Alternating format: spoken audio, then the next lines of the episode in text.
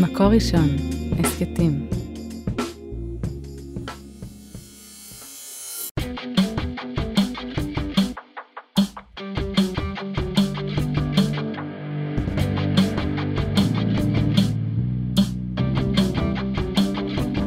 שלום לכולן וגם לכולם. אנחנו כאן היום בפרק נוסף של עסוקה. ההסכת שבו אנחנו מדברות את השיחה הפנימית שמאחורי הקלעים של עולם התעסוקה שלנו, בערוץ ראשונות של מקור ראשון. אני יסקר פנאי ואיתי אבישג שר ישוב, צלמת עיתונות וצלמת דוקומנטרית. היי אבישג. אהלן, מה נשמע? מה שלומך?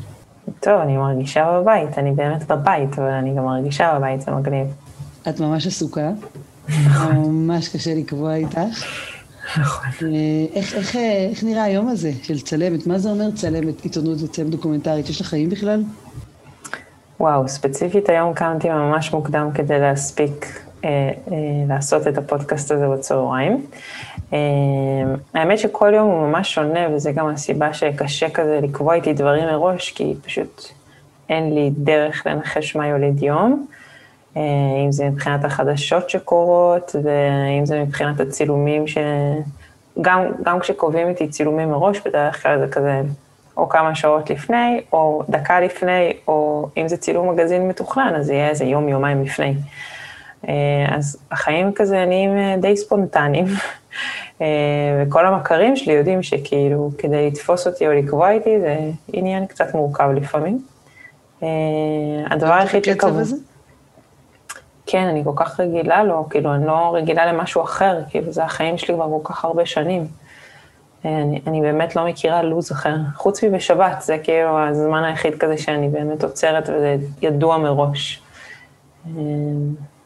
זה תמיד ככה. אז את בעצם עובדת בלא מעט מקומות, נכון? תפרטי לי אותם, שאני לא אפספס משהו. אני צלמת פרילנסרית, אני עובדת בין היתר במקור ראשון, בהארץ, מגזינים בחו"ל, מגזינים באירופה בעיקר, ולא מעט עיתונים גם פה, חוץ ממקור ראשון והארץ, כמו את, גלובס, נשים, ישראל היום, כזה ממש כאילו מה שבא, אבל עיקר העבודה שלי זה מקור ראשון והארץ, שזה גם די מגניב, כי זה כזה מפגיש שתי קצוות. בחורה חושבת. רגע. שניהם על אותו טייטל. משתדלת, משתדלת. חושבת לכל כיוון, אבל. בדיוק, אוקיי. אז בואי, אותי, אותי מעניין קצת איך, מה, מה קורה מאחורי הקלעים אצלך? עם מה את מתמודדת? מה האתגרים שלך? האם את מתפרנסת מזה טוב? כי את אומרת פרילנסרית זה כזה, את יודעת, פרילנסר זה כזה כמו שכר סופרים של פעם. מה שזה משמעותי יותר מה. ברוך השם, אני מתפרנסת ממש טוב, אבל זה לא בהכרח רק מ... זה, זה לא רק מעיתונות, זאת אומרת, אני עושה גם עבודות פרטיות, אני עושה פרויקטים, העובדה שאני עובדת עם מגזינים בחו"ל מאפשרת לי גם להתפרנס יותר בכבוד. אני חושבת שאם זה היה רק עבודה כאילו עם עיתונים, לא נראה לי שהייתי מצליחה לשרוד את זה, אני כבר הרבה שנים לא עובדת רק עם עיתונים, אבל העיתונות היא משהו שמאוד מאוד פותח דלתות ומאוד מאפשר ומאוד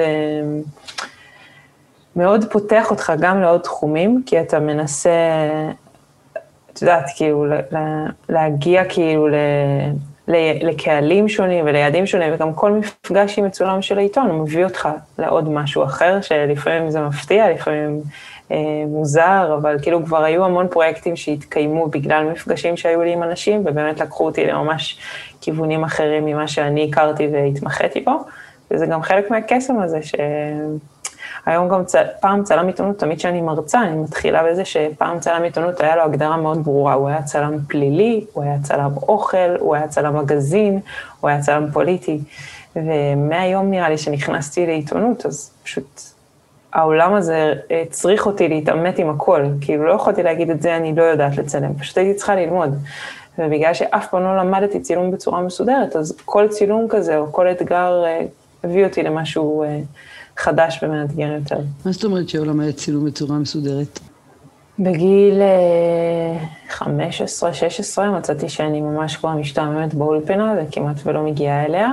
למדתי באולפנת צביה חיפה, ומצאתי את עצמי עובדת להנאתי בחוות סוסים, או בחנויות, או כל דבר, רק לא לשבת וללמוד. אני עם הפרעות קשב, אז חיפשתי רק איך לברוח מהאולפנה.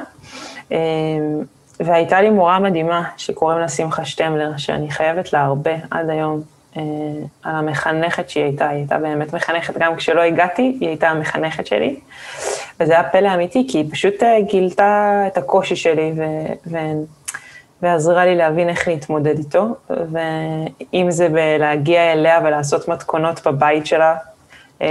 ואם זה, כן, כן, ממש, לאפשר לי כזה מתחת לשולחן להגיע רק לבגרויות, או כזה, אם יש יום ממש אה, חשוב, אז היא תגיד לי לבוא, אבל כאילו, היה איזה, איזה משהו פתוח יותר מהמערכת הנוקשה הזאת, שחייבים לבוא כל ימות השבוע.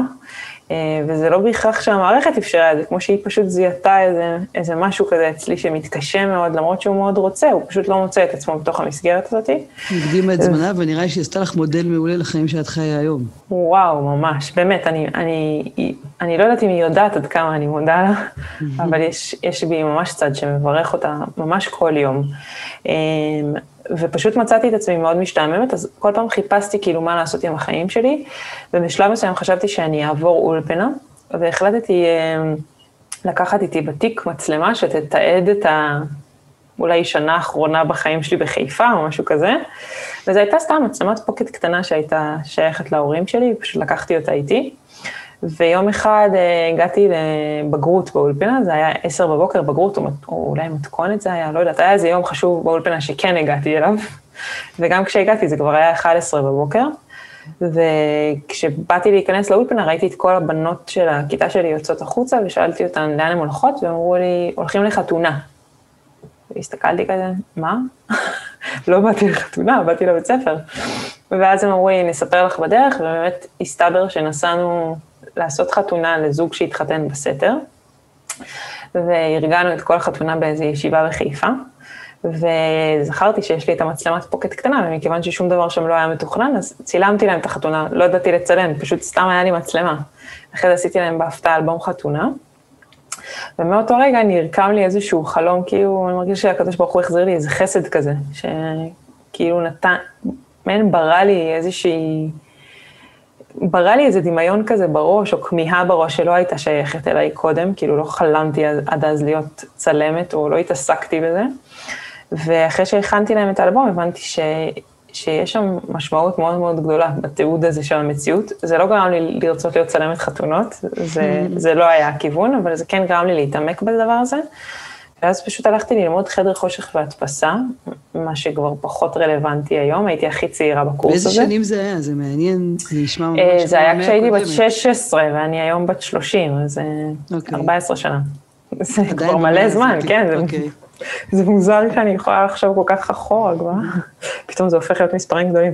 אה, אז אז בהתחלה באמת כאילו למדתי את זה ולא ידעתי עדיין מה אני הולכת לעשות עם הדבר הזה, אבל זה מאוד עניין אותי, ולאט לאט הייתי פותחת את העיתונים של שבת וקולטת שמשהו שם בתמונות מאוד כזה מסקרן אותי, כי אני פחות קוראת בגלל בעיות קשב וריכוז, אז תמיד ויזואליה הייתה משהו שמאוד uh, מושך אותי. אפילו מגיל קטן, כשאמא שלי ניסתה לקחת אותי לספרייה, הייתי בוחרת את הספרים רק לפי תמונות, ואם הציורים היו מכוערים, לא הייתי לוקחת את הספר, או אם לא היה מספיק ציורים, לא הייתי יכולה לקחת אותו. לא קישרתי את זה אז למה שאני אהיה היום, אבל היום אני יודעת להגיד שהעניין הוויזואלי הוא, הוא, הוא, הוא הכל בחיים שלי, כאילו, באמת הכל. אז, אה, אז שם נרקם איזשהו חלום שאולי אני אהיה צלמת עיתונות, אבל הייתי בחורה דתייה. וזה מקצוע כזה שהוא לא ממש מקצוע, ואיך אני אגיע אליו, ומה יקרה. ואז אה, יצאתי לשירות לאומי, עשיתי שנת שירות עם ילדים חולי סרטן. Mm-hmm. ואת השנה השנייה הייתי אמורה לעשות שירות לאומי באורוגוואי, אה, בשליחות באורוגוואי, ושנייה לפני שהייתי אמורה לטוס, קלטתי שאני ממש בדיכאון מהשנה שהייתה לי. לא ידעתי להגיד שזה דיכאון, אבל פשוט לא נרדמתי בלילה. כאילו, מצאתי את עצמי כזה בנדודי שינה, משהו שלא התמודדתי איתו אף פעם. ובזמן הנדודי שינה האלה פשוט הייתי יושבת על המבזקים במחשב וקוראת מה, מה מתרחש. עכשיו, לא הייתי איזה חולת news או משהו, פשוט לא היה לי איך להעביר את הזמן, אנחנו לא מדברים עדיין על תקופת נטפליקס mm-hmm. ושאר אה, הסדרות באינטרנט. ויום אחד תפס אותי איזשהו מבזק שהיה ממש קרוב לבית של ההורים שלי, על אה, ילד שאבד בנחל ספונים בכרמל. פשוט שרטטתי לעצמי מפה, התגנבתי, אה, התגנבתי לכניסה לבית, לקחתי את המפתחות של האוטו של אמא שלי ונסעתי. דרך המסלול הזה ששרטטתי, ובאמת הגעתי לאירוע וצילמתי שם תמונות, וכשפנו אליי, אז זה היה ynet, אז פנו אליי אם אני יכולה להעביר להם את התמונות, הייתי מספיק חצופה בשביל להגיד להם, אני אמכור לכם את התמונות, והחל מאותו יום הפכתי להיות צלמת עיתונות. עבדתי שש שנים, חמש שנים בצפון בתור צלמת של ynet, ואז התחלתי, תוך כדי, בגלל שהייתי פרילנסרית, התחלתי לעבוד עם עוד ועוד עיתונים. מקור ראשון היה, יש לציין, היה הראשון שנתן לי את הזכות, בזכות אורי גליקמן, להתחיל לצלם גם מגזין, ואני חייבת לו על זה תודה. וזהו, ובאמת משם נפתחה עוד דלת ועוד דלת. יאמר לזכותי או לרעתי, אני לא יודעת, כאילו, תמיד יש לנו איזה דיון פנימי בבית. העובדה שהדלתות נפתחות לי, אני לא, אני לא דופקת עליהן. ויש בזה משהו גם חיובי וגם שלילי. כי מצד אחד, כשאתה מתרגל שהדלת נפתחת, אז אתה לא יודע לדפוק עליה בעצמך. לא יודע לדפוק, לא יודע להתאמץ. בדיוק. אז זה איזה עימות כזה שיש לי עם עצמי כזה, אם לפעמים אני צריכה לדפוק על הדלת, או לפעמים אני נשמע לי שהכישרון שלך פותח לך את הדלתות. תודה רבה. לא, באמת, זה, זה, זה הסיפור המרכזי. כישרון מאוד גדול, ואני גם שומעת קצת סיפור סינדרלה כזה, בעצם. זה לא שהיה... תראי, מלכות היופי הגיעו תמיד מהצפון, אבל בזה אני לא התחרתי, לא התחום שלי, אבל אולי בצפון יש איזה, איזה משהו מיוחד כזה. ההורים שלך גאים במה שאת עושה? כן, מאוד. נראה לי שבהתחלה, אנחנו מגיעים מבית ש... אנחנו מגיעים מבית שכולם הלכו על מקצועות מאוד יצירתיים, יש לי אח נגר, אחות קדרית, כאילו, אחות קטנה שאולי ביום מן הימים תהיה מאיירת, וכולם ממש כזה במלאכות יד כאלה. וכנראה שלהורים שלי יש חלק בזה, בין אם גנטי, בין אם, לא יודעת, אבל כן, הפן היצירתי יש בו חלק מאוד מרכזי בבית.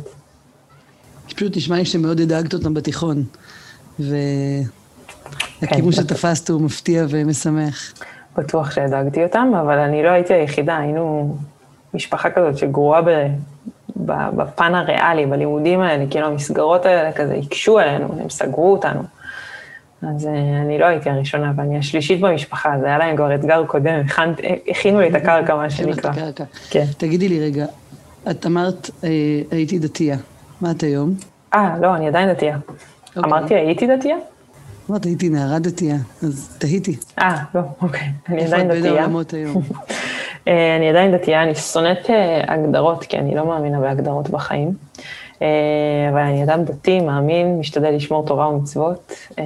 אני נשואה לאדם לא דתי, אני נשואה לדתל"ש, וזה חלק, נראה לי, מהדיבור שלי בקצוות בחיים, אם זה מקור ראשון בארץ, אם זה בחורה דתייה שנשואה לאדם לא דתי, וכנראה שאם אני אחשוב לעומק, אני אגלה עוד כמה קצוות כאלה. אבל אני יכולה להגיד שבחיים שלי, העובדה שאני נשואה לאדם לא דתי, אם פעם זה כזה נורא, נורא פחדתי על המקום שלי כאדם דתי בגלל הדבר הזה, אז היום אני מרגישה שאני הרבה יותר דתייה. Mm-hmm. כאילו שונאת את ההגדרה הזאת, אבל אני הרבה יותר מאמינה בגלל המקום הזה, כי אני ממש כל בוקר קמה ושואלת את עצמי, בוא נגיד, יש כזה מבחינתי מד כשאתה קם איתו כל בוקר, כשאתה אומר מודה אני, אז לפעמים אתה אומר בחשק ממש גדול מודה אני, לפעמים אתה ממש לא רוצה להגיד מודה אני, ולפעמים אתה אומר את זה פשוט כמודה אני.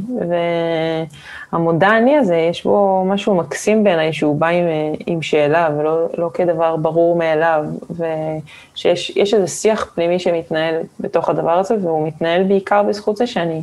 אני הצד הכביכול דתי בבית, אז אני זאתי שצריכה לשאול את עצמי את השאלה, אין איזה חיזוקים חיצוניים מבחוץ.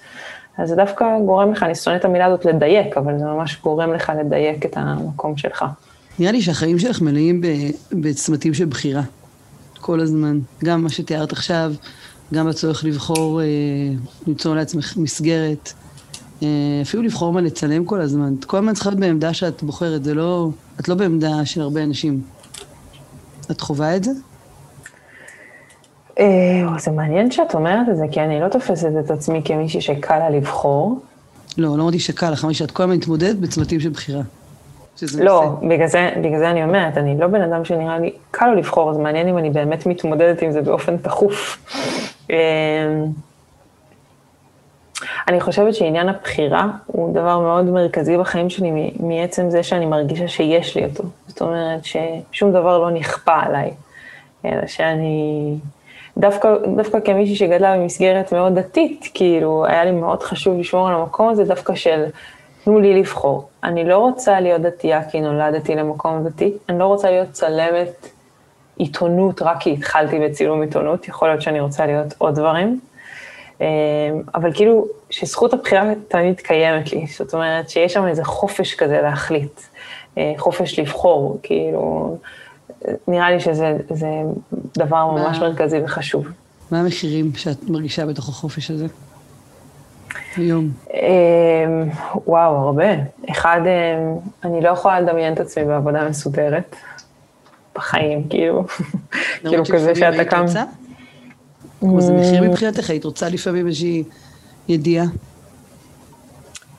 אה, נראה לי הפעם הראשונה שהייתי רוצה, שכאילו חוויתי את הרצון הזה, זה היה הפעם הראשונה והיחידה, זה היה בסגר הראשון. שאומנם עבדתי, אבל דברים כל כך השתנו כל הזמן, וכאילו פתאום נכנסתי לאיזשהו סטרס כזה של מה יהיה. כאילו זו הייתה המציאות שלא הכרתי קודם.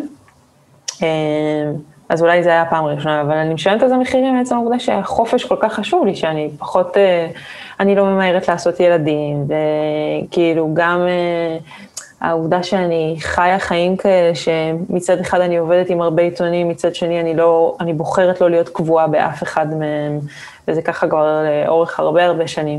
אז בטוח יש מחירים שאני משלמת, אבל גם בהם אני בוחרת. אז mm-hmm. כשאתה מרגיש שאתה בוחר במחיר, כביכול, יכול להיות שפסיכולוגים יגידו שזה לא באמת בחירה, אבל uh, אני, מרג... אני מרגישה שכל עוד אני בוחרת לשלם את המחיר, המחיר הזה סבבה. Mm-hmm. מעניין. רוצה לדבר קצת על הבחירה לא לעשות ילדים? מה, מה קורה לך שם? כי זה מאוד שונה מהסללה ש... שגדלת לתוכה, ואני מניחה מאוד דברים. אפשר לדבר אולי על המסגרתיות, כאילו על העובדה שאני מרגישה שעל אף שגדלתי במסגרת מאוד מאוד ברורה, תמיד רציתי לחיות מחוץ למסגרת. עכשיו, לחיות מחוץ למסגרת זה לא אומר לשבור את המסגרת, אלא זה אומר שמותר לך להוציא רגע יד מחוץ למסגרת, ומותר לך להוציא רגל מחוץ למסגרת, ושהכול בסדר, המסגרת עדיין עומדת. עכשיו, מה שמגניב הוא שכצלמת, אני כל הזמן ממסגרת דברים. כאילו, זה, הפריים זה למסגר. הפריים זה כל פעם לבחור זווית אחרת. לגמרי, אני כל הזמן ממסגרת אנשים אחרים. זאת אומרת, אני לא ממסגרת את עצמי, אין לי תמונות של עצמי, כמעט בכלל. אז אני חייבת להגיד לך עכשיו, כשאמרת להוציא יד, ואז להוציא רגל, ישר עלה לי מיץ פטל הארנב. גדול. ואני לא, ולא יודעים איך הוא נראה, ואמרתי לעצמי, רגע, אני, לא, אני רואה אותך עכשיו, כי אנחנו עושות הקלטת פודקאסט בזום, ולא פנים אל פנים, אבל אני לא יודעה לזהות אותך ברחוב. גדול. אז מה זה הבחירה הזאתי? זה חזק. תשמעי, א', נורא קל לי למסגר אחרים ולא את עצמי, ונורא קל לי להסתכל על אחרים ולא על עצמי. כי יש בזה משהו שהוא כזה מרחיק אותך מעצמך, ולא תמיד קל לך להתעמת עם דברים בעצמך. אני יכולה להגיד שבפעם היחידה שהייתי צריכה לעמוד מול מצלמה, הייתי, השתתפתי עכשיו באיזה פרויקט מאוד גדול של קנון בתקופת הקורונה, והייתי צריכה לשלוח תמונה של עצמי, והתמונה האחרונה שהצטלמתי הייתה בערך ב-2012 או משהו כזה, אני כבר לא נראית ככה. עכשיו אני נשואה לצלם, אז זו הייתה הזדמנות טובה אה, להגיד, זה פספסתי. צלם, תצלם אותי. סתם, אז אמרתי לבני בעלי, תקשיב, אני חייבת אה, שתעזור לי עם זה, אנחנו חייבים לעשות לי תמונה. ותמיד כשאני מגיעה לאנשים, אנשים כזה, יש אנשים שהם ממש בסטרס לפני צילומים, הם אפילו לא מודעים לכמה הם בסטרס, אבל פתאום אה, בזמן הצילום מישהו יכול להגיד לי, קופצת לי העין, או קופצת לי השפה, כאילו ממש הגוף הרבה פעמים מגיב לזה, ותמיד אני אומרת, אני ממש מבינה אותך, אני שונאת להצטלם. תמיד אני אומרת את זה למצולמים, כי זה אמיתי. אני מאוד מאוד מבינה לליבם של אלו שאומרים שלא נוח להם להצטלם. אז כשנעמדתי מול המצלמה, פשוט הרגשתי כל כך לא בנוח, וכאילו אמרתי, מה, אבל את מכירה את המקום הזה, ואת כל הזמן משדרת לאנשים שאת מכירה, והכל בסדר, אז תשדרי את זה גם לעצמך. וזו הייתה חוויה מורכבת, בסוף כאילו השלמתי איתה, וכאילו... היית מרוצה מהתוצאה? אה, כן, תמיד אני אשאף ליותר, אבל כאילו, כן, יכולתי להסתכל על עצמי, זה היה, זה היה שכלול. יכולתי להסתכל ולהגיד, אוקיי, זאת אני, נעים מאוד. כזה. אמ, אבל זה גם, כאילו, תמונה יש בה מצד אחד משהו, אנחנו כל הזמן מצלמים היום, כאילו, בעידן שלנו, אנחנו כל הזמן עושים פריימים, אבל אנחנו עושים את זה בעיקר עם הפלאפון, ובוחרים את הזווית הכי טובה, ואת הסלפי הכי גבוה שהם הכי מעוות אותנו. ואז כשפתאום מצלמה עומדת מולך בפרופורציה הגיונית, פתאום אנשים לפעמים נבהלים, כאילו, ממה שהם רואים, הם, כבר לא רגילים. בטח בעידן הפילטרים, וכאילו, כל הפייק הזה שאנחנו מוכרים לעצמנו. אנחנו כבר לא יודעים להסתכל, כאילו, על מי שאנחנו. אמ, אז לפעמים יש איזה אימפקט כזה שהוא הוא קצת טיפולי בעיניי כצלמת, אבל הוא, הוא שוב, הוא דורש, הוא דורש ממך להכניס את הבן אדם לתוך פריים, לתוך מסגרת מאוד ברורה. אז בחיים שלי, ככל שאני בעבודה ממסגרת דברים, ככה בחיים האישיים שלי אני רוצה לצאת מהמסגרת, כאילו לפרוץ אותה. בעיניי את עושה בדיוק את אותה תנועה. אוקיי, זה אה, מעניין. בגלל שאני חושבת קצת מה- מהעולם התעסוקתי שלי, אני רואה הרבה, הרבה אנש- אנשים ונשים, שאת אותה תנועה שבה הם חסרים, בגלל שהם יודעים כל הזמן לנסות להשלים אותם בזה, הם, הם עושים לאחרים. את כל הזמן ניסית אולי למסגר את עצמך, או לצאת ממסגרת, ואת מכניסה אנשים בדיוק לאותה תנועה. זה מעניין. זה, זה ממש מעניין, מעניין אותי מתוך מה שאת אומרת, גם איך זה, איך זה לחיות עם צלם. כאילו... אוי, זה מדהים, אני לא יכולה לדמיין מציאות אחרת. כאילו, וכש... זה לא מובן מאליו, בגלל שכשהכרנו היינו חברים מאוד טובים, ומאוד uh, הייתי שלילית לגבי זה כ... בעניין זוגי, כי פשוט אמרתי, אין מצב שאני מתחתנת עם צלם, אין מצב שאני מתחתנת עם דתל"ש, אין מצב שכאילו אני בכלל מכניסה את עצמי למקום הזה. Uh, והחיים לימדו אותי אחרת, שדווקא הדברים שאתה אומר להם לא, אולי שווה להגיד להם כן. אז היום אני לא יכולה בכלל לדמיין את עצמי במציאות שבה הבן זוג שלי הוא לא צלם. כאילו, אנחנו מעורבים בעשייה אחד של השני ומאוד מבינים את השפה ויכולים לחפור שעות על האם הפריים צריך להיות מהצד הזה או מהצד הזה. ואנחנו אמנם בתחומים, היום בתחומים שונים, אבל uh, זה, זה דבר כל כך? מפריע. בני מצלם ספורט אקסטרים, ספורט מוטורי.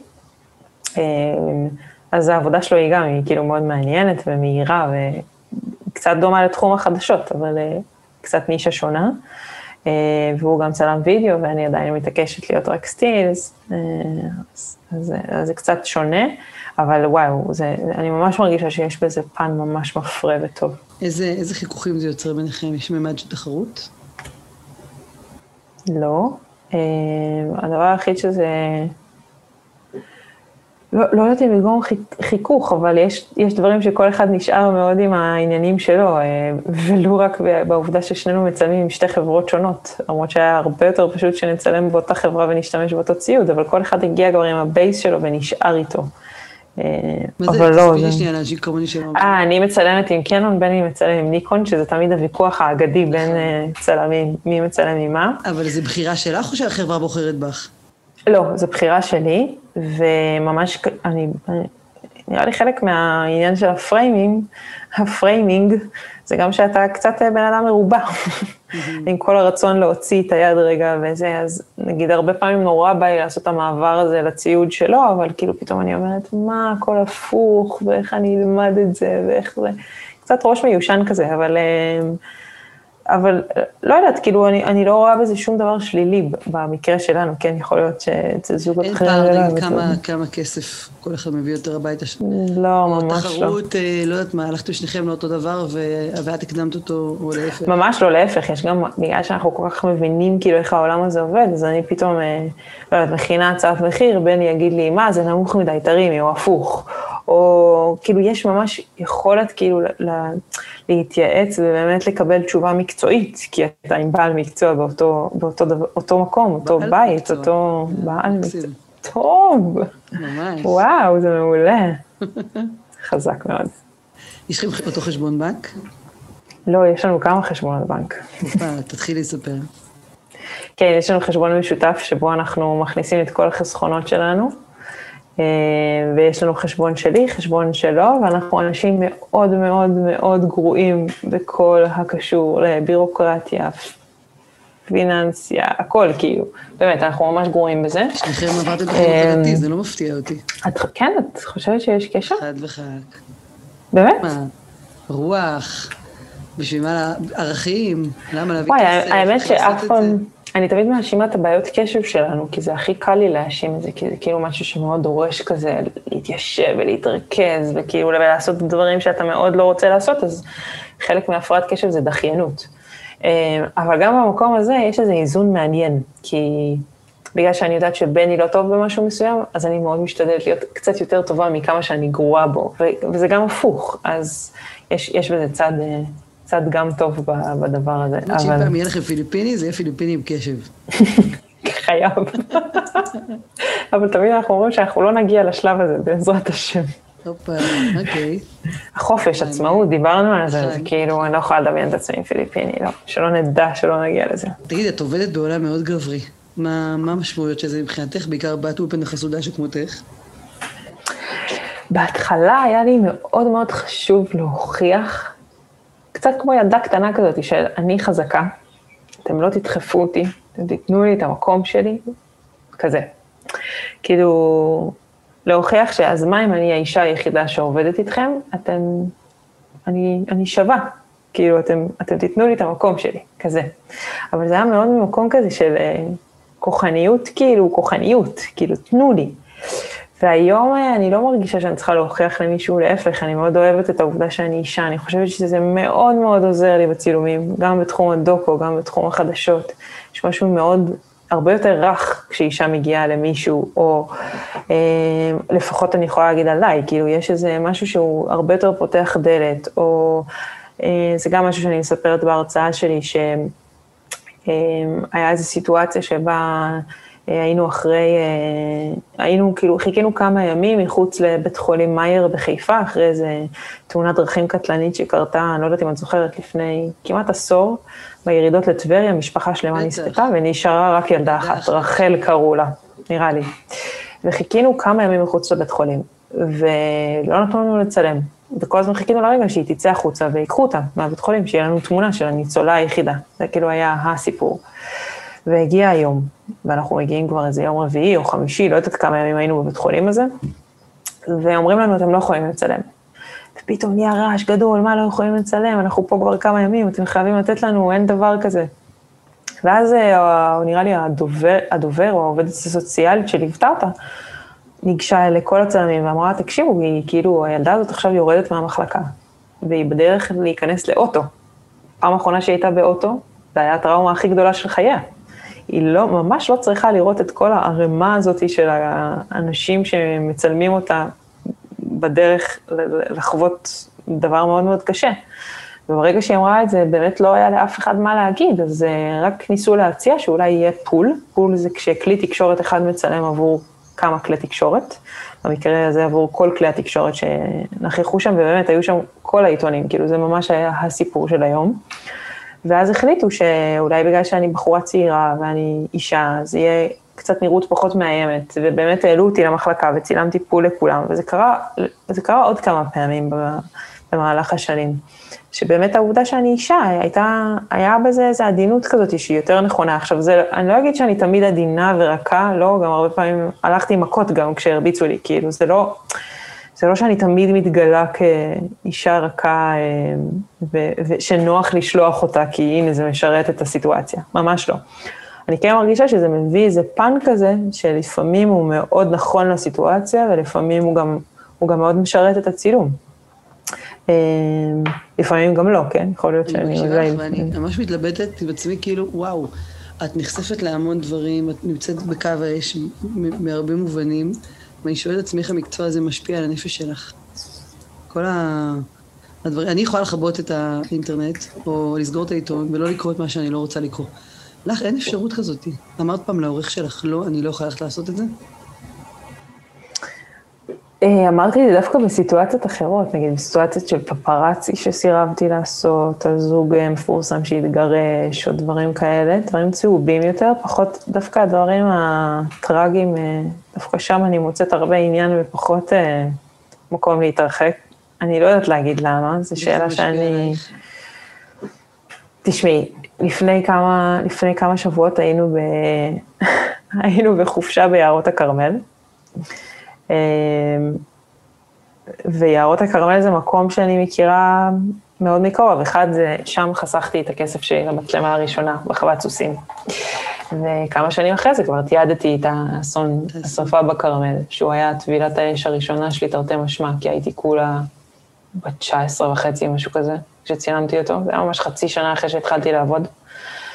וחשבתי שאת יודעת, זה לא משפיע עליי והכל בסדר, והמראות המזעזעים שראיתי שם, כנראה נמצאים באיזשהו תא במוח שלעולם לא ייפתח. ועכשיו כשנסענו בכרמל, אז יצאנו בערב ובלילה מהמלון, וכשחזרנו, היה מעין אה, אה, ענן כזה מאוד מאוד גדול הדבר הראשון שזה עשה לי, זה כאילו הקונוטציה של הענן עשן הגדול שראיתי אז לפני עשור, וממש חוויתי את זה בגוף, היה לי ממש זרמים בגוף. ואמרתי, אוקיי, תני כאילו, תרגישי את הזרמים האלה, זה בסדר, כאילו, הכל טוב, הכל בסדר. וכשהרגשתי את זה, הבנתי שגם אם אני מאוד רוצה שזה לא ישפיע עליי, זה משפיע עליי. איפשהו הגוף מגיב לזה, זה לא יכול להיות שראיתי את הדברים ואת המראות הנורא קשים האלה בגיל כל כך צעיר, ושזה לא, יש, לא ישאיר משהו. אה, אבל תודה לאל, אני מרגישה שכאילו, אני תמיד אומרת על זה שהמצלמה היא, היא באמת חוצץ, שלא הייתי יכולה להיות בסיטואציות האלה לולא המצלמה. לא, לא הייתי מצליחה לראות אותם. ואולי זה קצת איזו אגדה שאנחנו כצלמים מוכרים לעצמנו שהמצלמה היא חוצץ, כי בסוף אנחנו עדיין מצלמים דרך המצלמה. אבל אני ממש מרגישה שהיא וההוא שלמעלה שומרים עליי. נשמע לי שאת צריכה לשים הרבה פילטרים כדי להתמודד עם הכל. כן. כן, ועל המצלמה אי אפשר לשים הרבה פילטרים, זה בעיה. וגם על העיניים, זה... כן. נראה לי ש... ש... זה, כאילו חבוי איפשהו, כאילו כל הטראומות האלה שראיתי וצילמתי ותיעדתי, ובאמת שבמהלך השנים, וואו, צילמתי כל כך הרבה אסונות וטרגדיות, שגם את יודעת, אני מוצאת לעצמי את המקומות לאזן, אם זה בתחביב שלי עם עוגה לשבת, שאני עושה את זה מדי שבוע, ואם זה שאני יוצרת לעצמי פרויקטים שמציגים באור אחר דברים, אה, אם זה פרויקט דוקומנטרי שעבדתי עליו במשך שמונה שנים על אה, קהילות אקולוגיות בכלל, שמאוד מנותקות מה, מהקטע הזה של המרדף החדשותי, וגרם לי גם להתנתק. אז נראה לי שאני כל פעם מוצאת איזה משהו להיאחז בו, ש... שייצור לי את האיזון הזה בחיים המאוד לא מאוזנים האלה. אני שומעת את החוסר איזון, מצד שני את הכיף הלא נורמלי שאת נמצאת בו ואת התעשייה המאוד אינטנסיבית שלך, ואני שואלת את עצמי אם את מרגישה שאת מונחת במקום. זו שאלה טובה. זו שאלה מעולה, כי את תופסת אותי כזה בזמן שאני ממש שואלת את עצמי את השאלה הזאתי. אמ, הרבה פעמים בגלל שיש איזו אינטנסיביות למקצוע הזאתי, למקצוע הזה אתה לא שואל את השאלות, ואז הן מתעוררות מדי פעם. אני יכולה לצאת מצילום, שהיה לי בו קצת משעמם, ולהגיד, מה, זה מה שאני, זה מה שאני רוצה לעשות? Mm. אז זו שאלה שעולה מצד אחד. מצד שני, יש איזה משהו פולני כזה שאומר, מה, אסור לך להתלונן, יש לך עבודה טובה ומעניינת, וכל יום משתנה, ואתה מתפרנס בכבוד, מה, אתה יכול להתלונן על זה? אז אני בוחרת לא להתלונן, אבל אני כן כזה כל הזמן מנסה לצייר לעצמי איפה אני רוצה לראות את עצמי. אין לי עדיין ציור ברור. יכול להיות ש... אני לא יודעת, אני מרגישה שגיל 30 זה צעיר עדיין. מאוד אה, צעיר, רק בהתחלה. לצייר את ה... כן, אז... לא, גם התחלתי נורא... לא, יכולה לצייר נכון, גם התחלתי נורא נורא מוקדם, וכאילו נכנסתי לזה כאילו בבום, בסערה ממש, כאילו בלי לחשוב יותר מדי, או בלי להבין. ובשנים האלה מאוד גם השתנתי, זאת אומרת, אה, אם פעם זה היה רק צילום חדשות, היום זה המון מגזין ומעט חדשות. ואם הייתה תקופה שהייתי עושה המון דוקו, אז כאילו עכשיו זה קצת פחות דוקו ויותר פרויקטים מסחריים. ואני ממש משתנה לתוך זה, ואני חושבת שעצם העובדה שאני גם מתנסה בהמון המון דברים, היא גורמת לי כל פעם להבין איזה מה אני רוצה בתוך הציור הזה ומה לא. אני עדיין לא יודעת מה אני רוצה בתוך הציור הזה, אבל אני מרגישה שככל שעובר הזמן, אני, אני קצת יותר יודעת מה אני לא רוצה בתוך הציור הזה, שזה גם טוב. וואו, זה ממש ממש מרתק. אה, אני שומעת גם שה...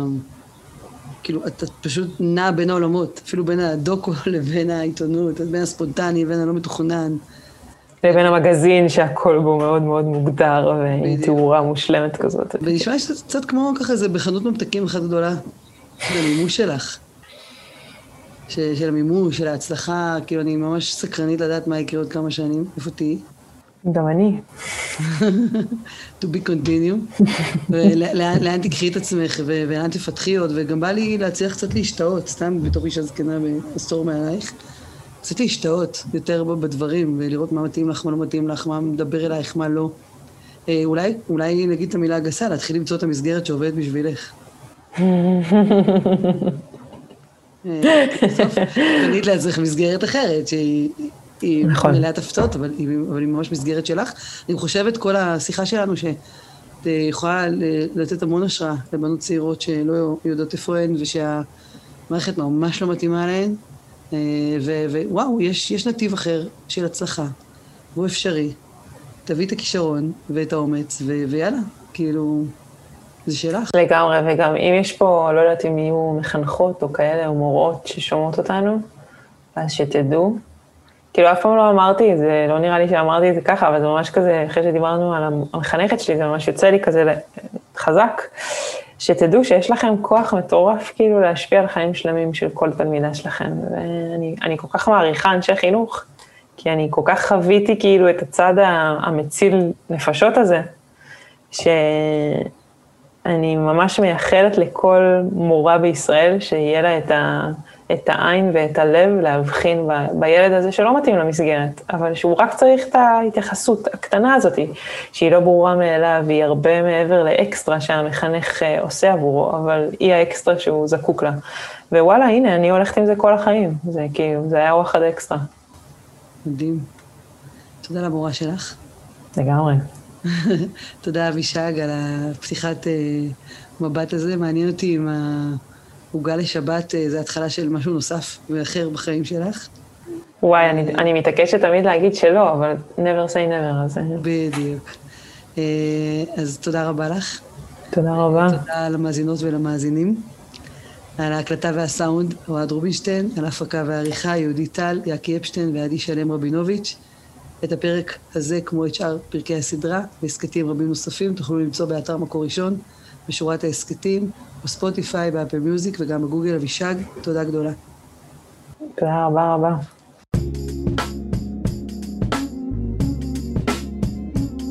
מקור ראשון, הסכתים.